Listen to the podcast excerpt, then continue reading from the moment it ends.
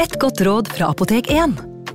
Nå er snart pollensesongen i gang, og et godt råd til deg som sliter med pollenallergi, er å begynne behandlingen i god tid før allergisesongen starter. Da får du nemlig enda bedre effekt av legemidlene, og så blir ikke våren din helt ødelagt. Kom innom og få råd på ditt nærmeste Apotek 1, eller chat med oss på apotek1.no. Apotek 1 vår kunnskap, din trygghet. Kom og spis! Kjøkkensjefen har middagen ferdig. Vi kommer! Vi skal bare Åh, det er da så morsomt her på Stiklestad! Ja, men sjøl en god viking må ha både mat og hvile. Og dessuten kan dere nå være noen dager. Velkommen til Scandic Stiklestad. Moderne fasiliteter i historiske omgivelser. Det var her det skjedde. Det er her det skjer.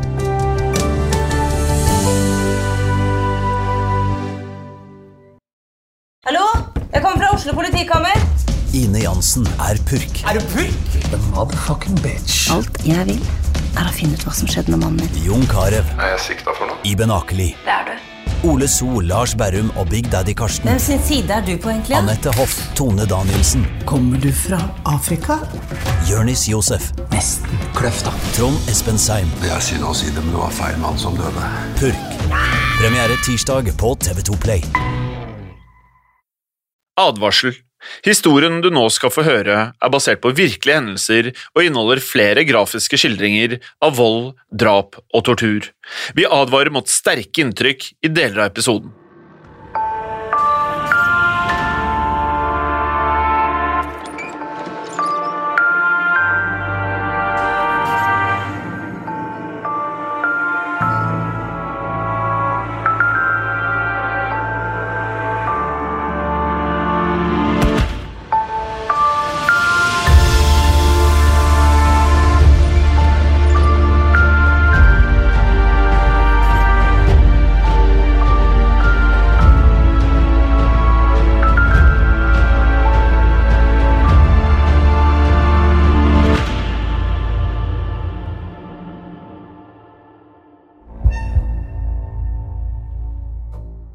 I mai 1990 hadde Jack Unterweger sonet 15 år for det brutale drapet på en 18 år gammel jente. Han hadde i utgangspunktet mottatt en livstidsdom, men det var like før han skulle bli en fri mann. Løslatelsen hadde skapt store reaksjoner i Østerrike, men i motsetning til andre mordere som slipper ut av fengsel, ble denne avgjørelsen møtt med stor jubel. Jack Unterweger var nemlig ikke en vanlig fange. I løpet av fengselsoppholdet hadde han blitt et kjent navn i Østerrike. Han hadde skrevet bøker, poesi og skuespill, og ble hyllet som en unik stemme i litteraturen. Jack ble dermed en slags gallionsfigur for den nye fengselsreformen. Han var beviset på at selv voldelige kriminelle kunne rehabiliteres. Da Jack slapp ut av fengsel, hadde han allerede skrevet flere bestselgere han skulle snart dukke opp på TV og radio i beste sendetid. Med sin røffe fremtoning ble Jack snart en ny favoritt blant kultureliten, og han ble kanskje særlig beundret av sine mange kvinnelige fans. Men hadde egentlig Jack Unterweger forandret seg? Han fremsto som en sjarmerende og intelligent mann som alltid sa de rette tingene, men alle var likevel ikke overbevist. Snart begynte det å dukke opp lik i skogene rundt Wien. Alle var unge kvinner som var blitt drept på samme måte. De var kvalt til døde og delvis dekket av kvister og blader. Politiet var i villrede. Det var åpenbare likhetstrekk mellom disse drapene. Morderen hadde til og med brukt samme knute da han kvalte ofrene med deres egne bh-er. Det minnet også om et drap som hadde funnet sted 15 år tidligere. Kunne det være at Jack Unterweger bare var en sjarmerende psykopat som hadde lurt en hel nasjon? Jack Unterweger ble født den 16. august 1950 i Judenborg i Østerrike. Moren hans var en ung servitør, og faren en amerikansk soldat. Jack skulle aldri møte sin biologiske far, som forlot landet før han ble født. Han hadde heller ikke noe nært forhold til moren. Hun hadde begynt å drikke og måtte ty til svindel og tyveri for å forsørge seg selv. Jack hevdet selv at moren var prostituert, og at faren hadde vært en av kundene hennes. Hun ga i hvert fall fra seg sønnen og var inn og ut av fengsel gjennom oppveksten hans. Det var i stedet bestefaren som fikk ansvaret for Jack, men dette var heller ikke et trygt sted å vokse opp. Mange av detaljene fra Jacks barndomsår er hentet fra hans egen selvbiografi, som trolig overdrev og endret på flere detaljer. Mange er derfor usikre på hva som faktisk er sant, og hva som er diktet opp. Jack hevdet i hvert fall at bestefaren var en alkoholiker, og at han på ingen måte var et godt forbilde. Han så på kvinner som objekter, og hadde ofte med seg besøk hjem. Jack ble dermed vitne til mye som ikke egnet seg for en ung gutt. Det var en vanskelig og traumatisk tid for Jack, og åtte år gammel ble han tvunget til å flytte igjen. Han bodde i en kort periode hos andre slektninger, før han ble plassert i et fosterhjem. Den kaotiske oppveksten gjorde at Jack følte seg forlatt og uelsket. Jack utviste stadig mer forstyrrende atferd. Selv om han var en intelligent ung gutt, hadde han ingen interesse for skole. Han ble i stedet trukket mot kriminelle aktiviteter, og i løpet av denne perioden ble Jack dømt for 16 ulike lovbrudd. Dette inkluderte blant annet tyveri, overgrep og hallikvirksomhet. Som et resultat av dette skulle han tilbringe mesteparten av ungdomsårene i fengsel.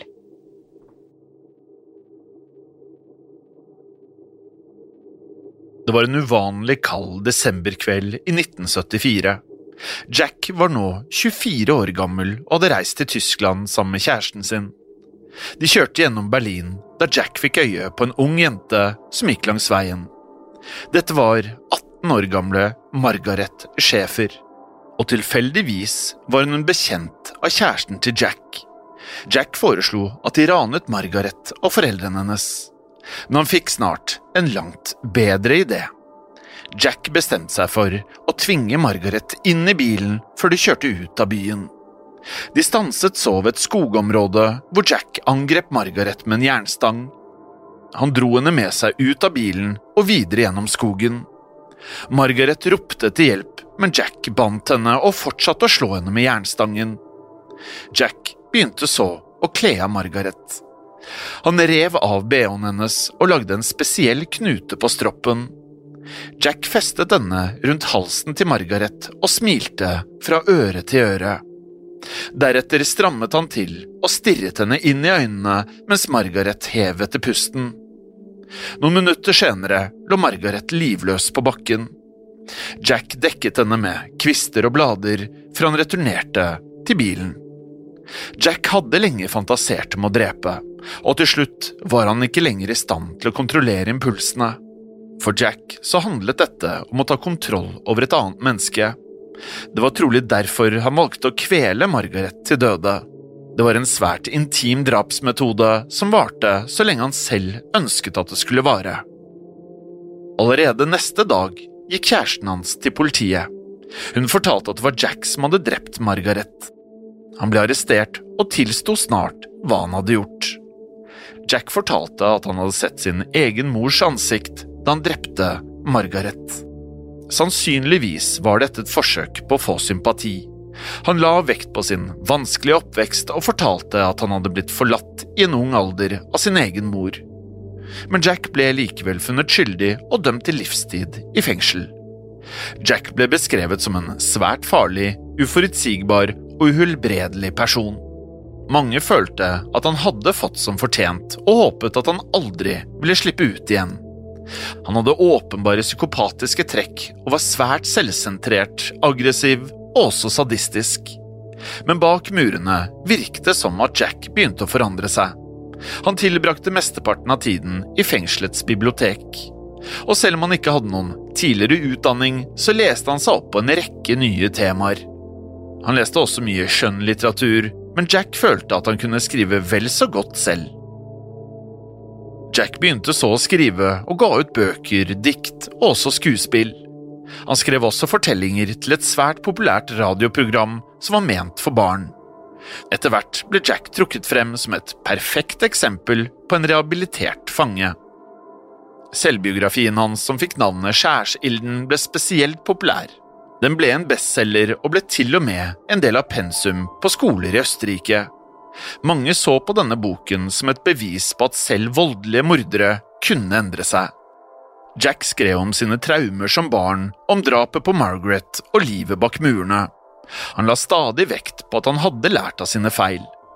Boken ble også filmatisert, og Jack ble en ny stjerne i den litterære verden. Stadig flere argumenterte for at Jack fortjente å slippe ut av fengsel.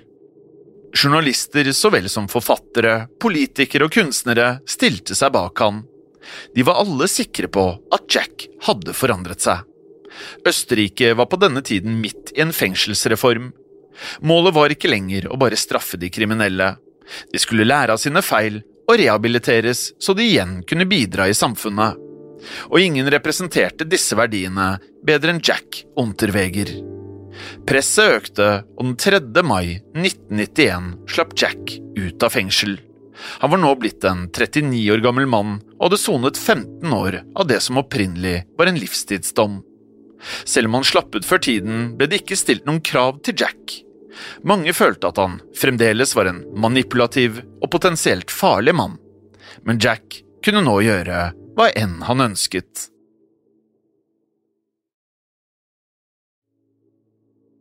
Etter å ha sluppet ut av fengselet flyttet Jack til Wien. Her skulle han bli en del av den intellektuelle eliten. Han dukket jevnlig opp på TV- og radioprogrammer hvor han snakket om sin egen bakgrunn, litteratur og politikk. Jack var blant annet med i en TV-debatt hvor de diskuterte østerrikske fengsler. Her ble han sett på som en ekspert som kunne fortelle om hverdagen til de innsatte. Jack spilte ut rollen som den rehabiliterte morderen, uten at noen klarte å gjennomskue at dette var en fasade. Han skilte seg ut som en intelligent og velformulert mann med en mørk og forstyrrende fortid. Jack ble en slags kultfigur og var et klassisk eksempel på den lidende kunstneren. Han fikk spesielt mange kvinnelige fans, og Jack så ut til å like denne oppmerksomheten. Det gikk aldri lenge mellom hver gang han ble observert med en ny kvinne. Plutselig lå verden for Jacks føtter, men han klarte likevel ikke å kontrollere impulsene. Han var fremdeles den samme voldelige og manipulative mannen som hadde drept Margaret Shafer.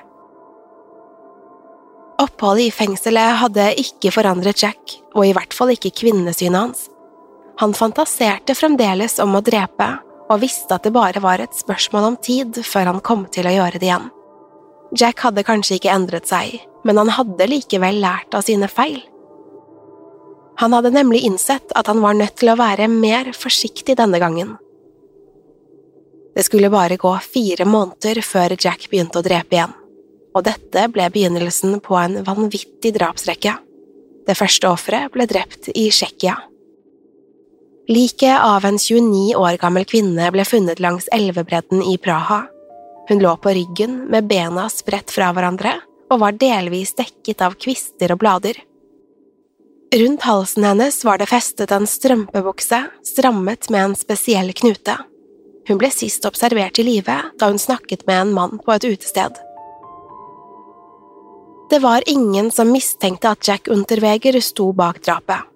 Han følte nå at han var uovervinnelig, og at han kunne gjøre hva enn han ville.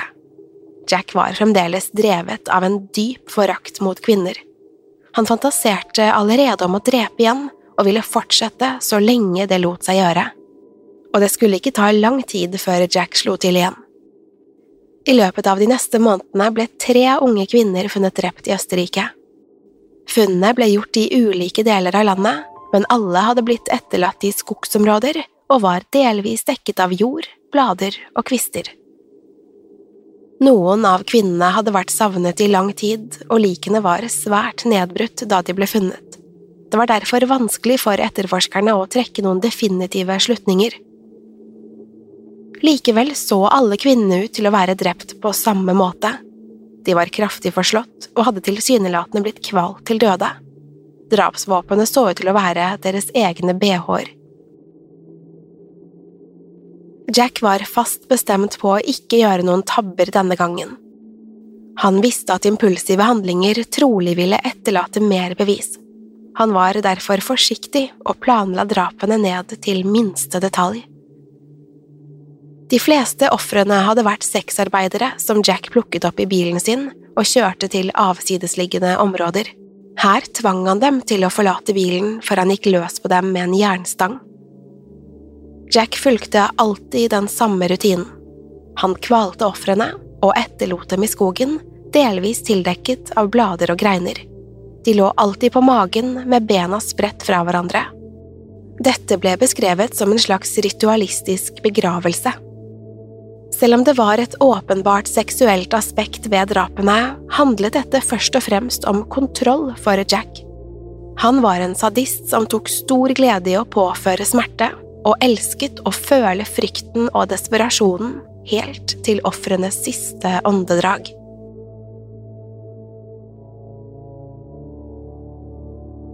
I mars 1991 hadde Jack tatt livet av minst fire kvinner. Enn så lenge hadde han drept utenfor Wien, men han fikk stadig bedre selvtillit. Jack var nå overbevist om at politiet aldri ville avsløre han. Derfor ble han også langt mer uforsiktig. Jack følte seg overlegen, særlig overfor kvinner. Han hadde et oppblåst selvbilde og følte at det var hans rett til å gjøre hva enn han ønsket med ofrene sine. Drapene fikk stadig mer oppmerksomhet, og Jack bestemte seg for å utnytte situasjonen. Han begynte selv å skrive om de mange forsvunne sexarbeiderne, og ville lage en reportasje for en radiokanal. Jack ble dermed den aller første seriemorderen som rapporterte om sine egne drap. Jack oppsøkte sjefsetterforskeren og spurte om han ville stille til et intervju. Jack stilte flere kritiske spørsmål og ga uttrykk for at hele befolkningen var bekymret og lurte på hvorfor politiet ikke hadde klart å identifisere gjerningsmannen. Etterforskeren svarte at de hadde mange navn på listen, og de undersøkte alle som tidligere var dømt for drap og seksuelle overgrep. Et av navnene på denne listen var Jack Unterweger. Jack tok stor glede i dette. Det var et farlig spill, men Jack følte til enhver tid at han var i kontroll. Han var sikker på at politiet ikke hadde nok bevis til å knytte han til noen av ofrene. Og ved selv å rapportere om drapene følte Jack også at han manipulerte hele landet. Reportasjen var også med på å gi Jack et alibi. Han ble stadig observert i byens Red Light District, hvor han snakket med prostituerte. Men nå kunne Jack forklare at dette bare var research. Jack hevdet nemlig at han ville lage denne reportasjen fordi han brydde seg om disse kvinnene. Han ønsket bare å beskytte dem. Selv om Jack var på listen over mistenkte, hadde ikke politiet nok konkrete bevis. Jack hadde ofte et vagt alibi, men alle var likevel ikke overbevist. Det var nemlig flere likhetstrekk mellom disse drapene og drapet Jack ble dømt for i 1976.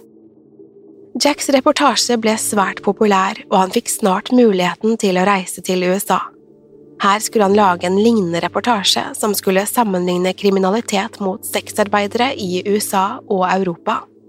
Han ankom California i juni 1991.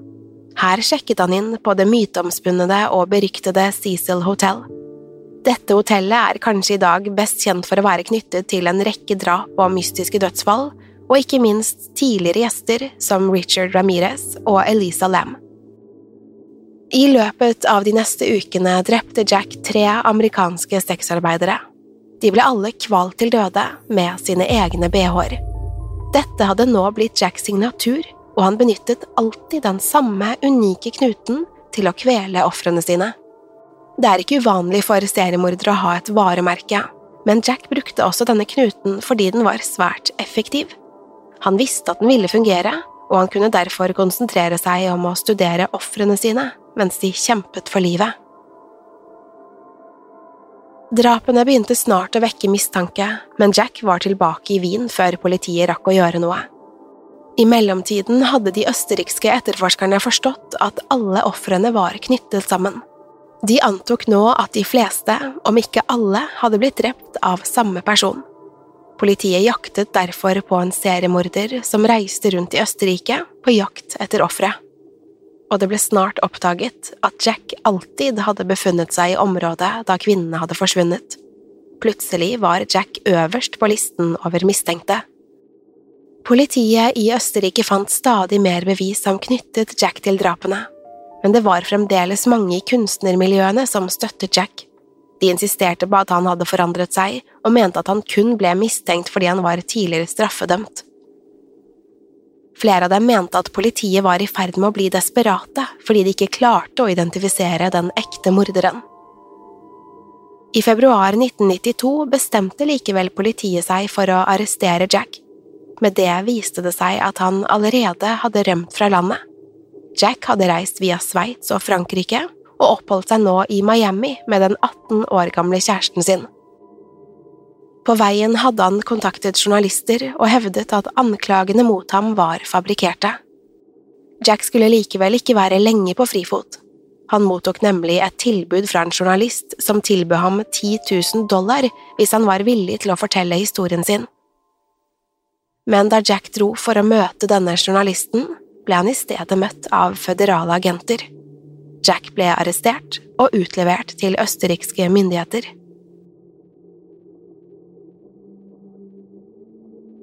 Jack ble nå koblet til drapene i Los Angeles, Praha og Østerrike. Det var flere påfallende likhetstrekk, og det så ut til å dukke opp nye lik hvor enn Jack befant seg. Til slutt ble Jack anklaget for å ha drept elleve kvinner. Saken ble en stor sensasjon. Det var tross alt ikke hver dag at en populær forfatter ble anklaget for å være en seriemorder. Men til tross for alt beviset mot han, var det fremdeles mange som nektet å godta at Jack sto bak drapene. Rettssaken begynte i april 1994 og fikk enorm oppmerksomhet i media. Jack erklærte seg uskyldig, men bevisene mot han var overveldende. For første gang i østerriksk historie ble det også tatt i bruk DNA-tester i etterforskningen, og etter hvert begynte selv hans mest dedikerte fans å tvile. Drapsmetoden, og særlig knuten som ble brukt, ble en avgjørende faktor. En ekspert fra FBI var overbevist om at det måtte være samme person som hadde laget disse knutene. Jack var uløselig knyttet til flere av drapene, og det var derfor rimelig å anta at han hadde drept alle disse kvinnene. Det var en rystende avsløring og et hardt slag for fengselssystemet. Jack hadde vært kroneksempelet på hvordan tidligere straffedømte kunne forandre seg. Han hadde et nytt og bedre liv med all verdens muligheter, men han valgte likevel å drepe så snart han fikk muligheten. Selv om det var mange beviser som pekte mot Jack, var det en krevende rettssak. Det var nemlig vanskelig å fastslå en dødsårsak for flere av ofrene. Selv om det var åpenbare tegn til at de hadde blitt kvalt, var det ikke mulig å utelukke også andre alternativer. Noen av likene var nemlig så nedbrutte da de ble funnet, at det knapt var mer enn et skjelett igjen. Det virket som at Jack etter hvert forsto hva som var i ferd med å skje, men han fortsatte likevel å hevde at han var uskyldig. Han studerte jurymedlemmene gjennom hele rettssaken og prøvde å tyde hvem av dem som trodde at han var skyldig. Jack var allikevel sikker på at han kunne overbevise flere av dem. Jack ga en siste lidenskapelig tale hvor han presenterte seg selv som et offer. Dette var likevel ikke nok til å overbevise juryen. Da dommen falt, ble Jack funnet skyldig i åtte av drapene, og han ble dømt til å sone resten av livet i fengsel. Jack var nå innstilt på å anke dommen, men seks timer senere ble han funnet livløs i sin egen celle. Jack hadde hengt seg selv med den samme knuten som han brukte til å kvele ofrene sine. Jack Unterweger hadde klart å lure en hel nasjon med sin sjarm og intelligens, han fremsto som en rehabilitert og angrende morder, men i virkeligheten var han fremdeles det samme sadistiske monsteret. Vi skriver Jack Unterweger inn i vår bok av syndere.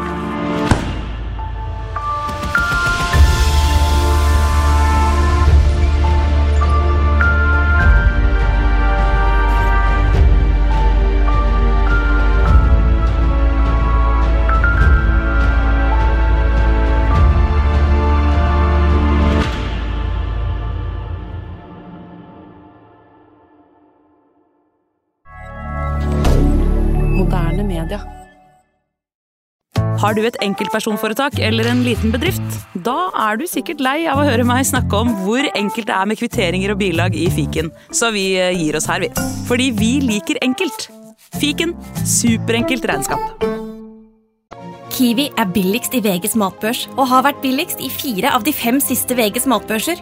Og nå presser vi prisene på frukt og grønnsaker. På 200 gram broccolini setter vi prisen til 24,90. På 400 gram Cevita blåbær setter vi prisen til 49,90.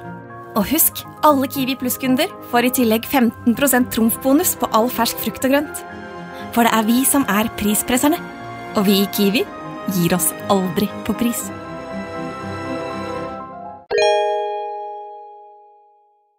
Hei, takk for at du lytter til Synderne. Skulle du ønske at du kunne høre en ny episode av denne podkasten hver eneste uke? Vel, da er det bare å laste ned podkastappen Untold med en gang. I tillegg til ukentlige episoder av podkaster som Skrekkpodden, True Crime-podden og Henrettelsespodden får du masse annet reklamefritt og eksklusivt innhold. Last ned Untold i AppStore eller Google Play, og start inn 30 dagers prøveperiode i dag. Untold.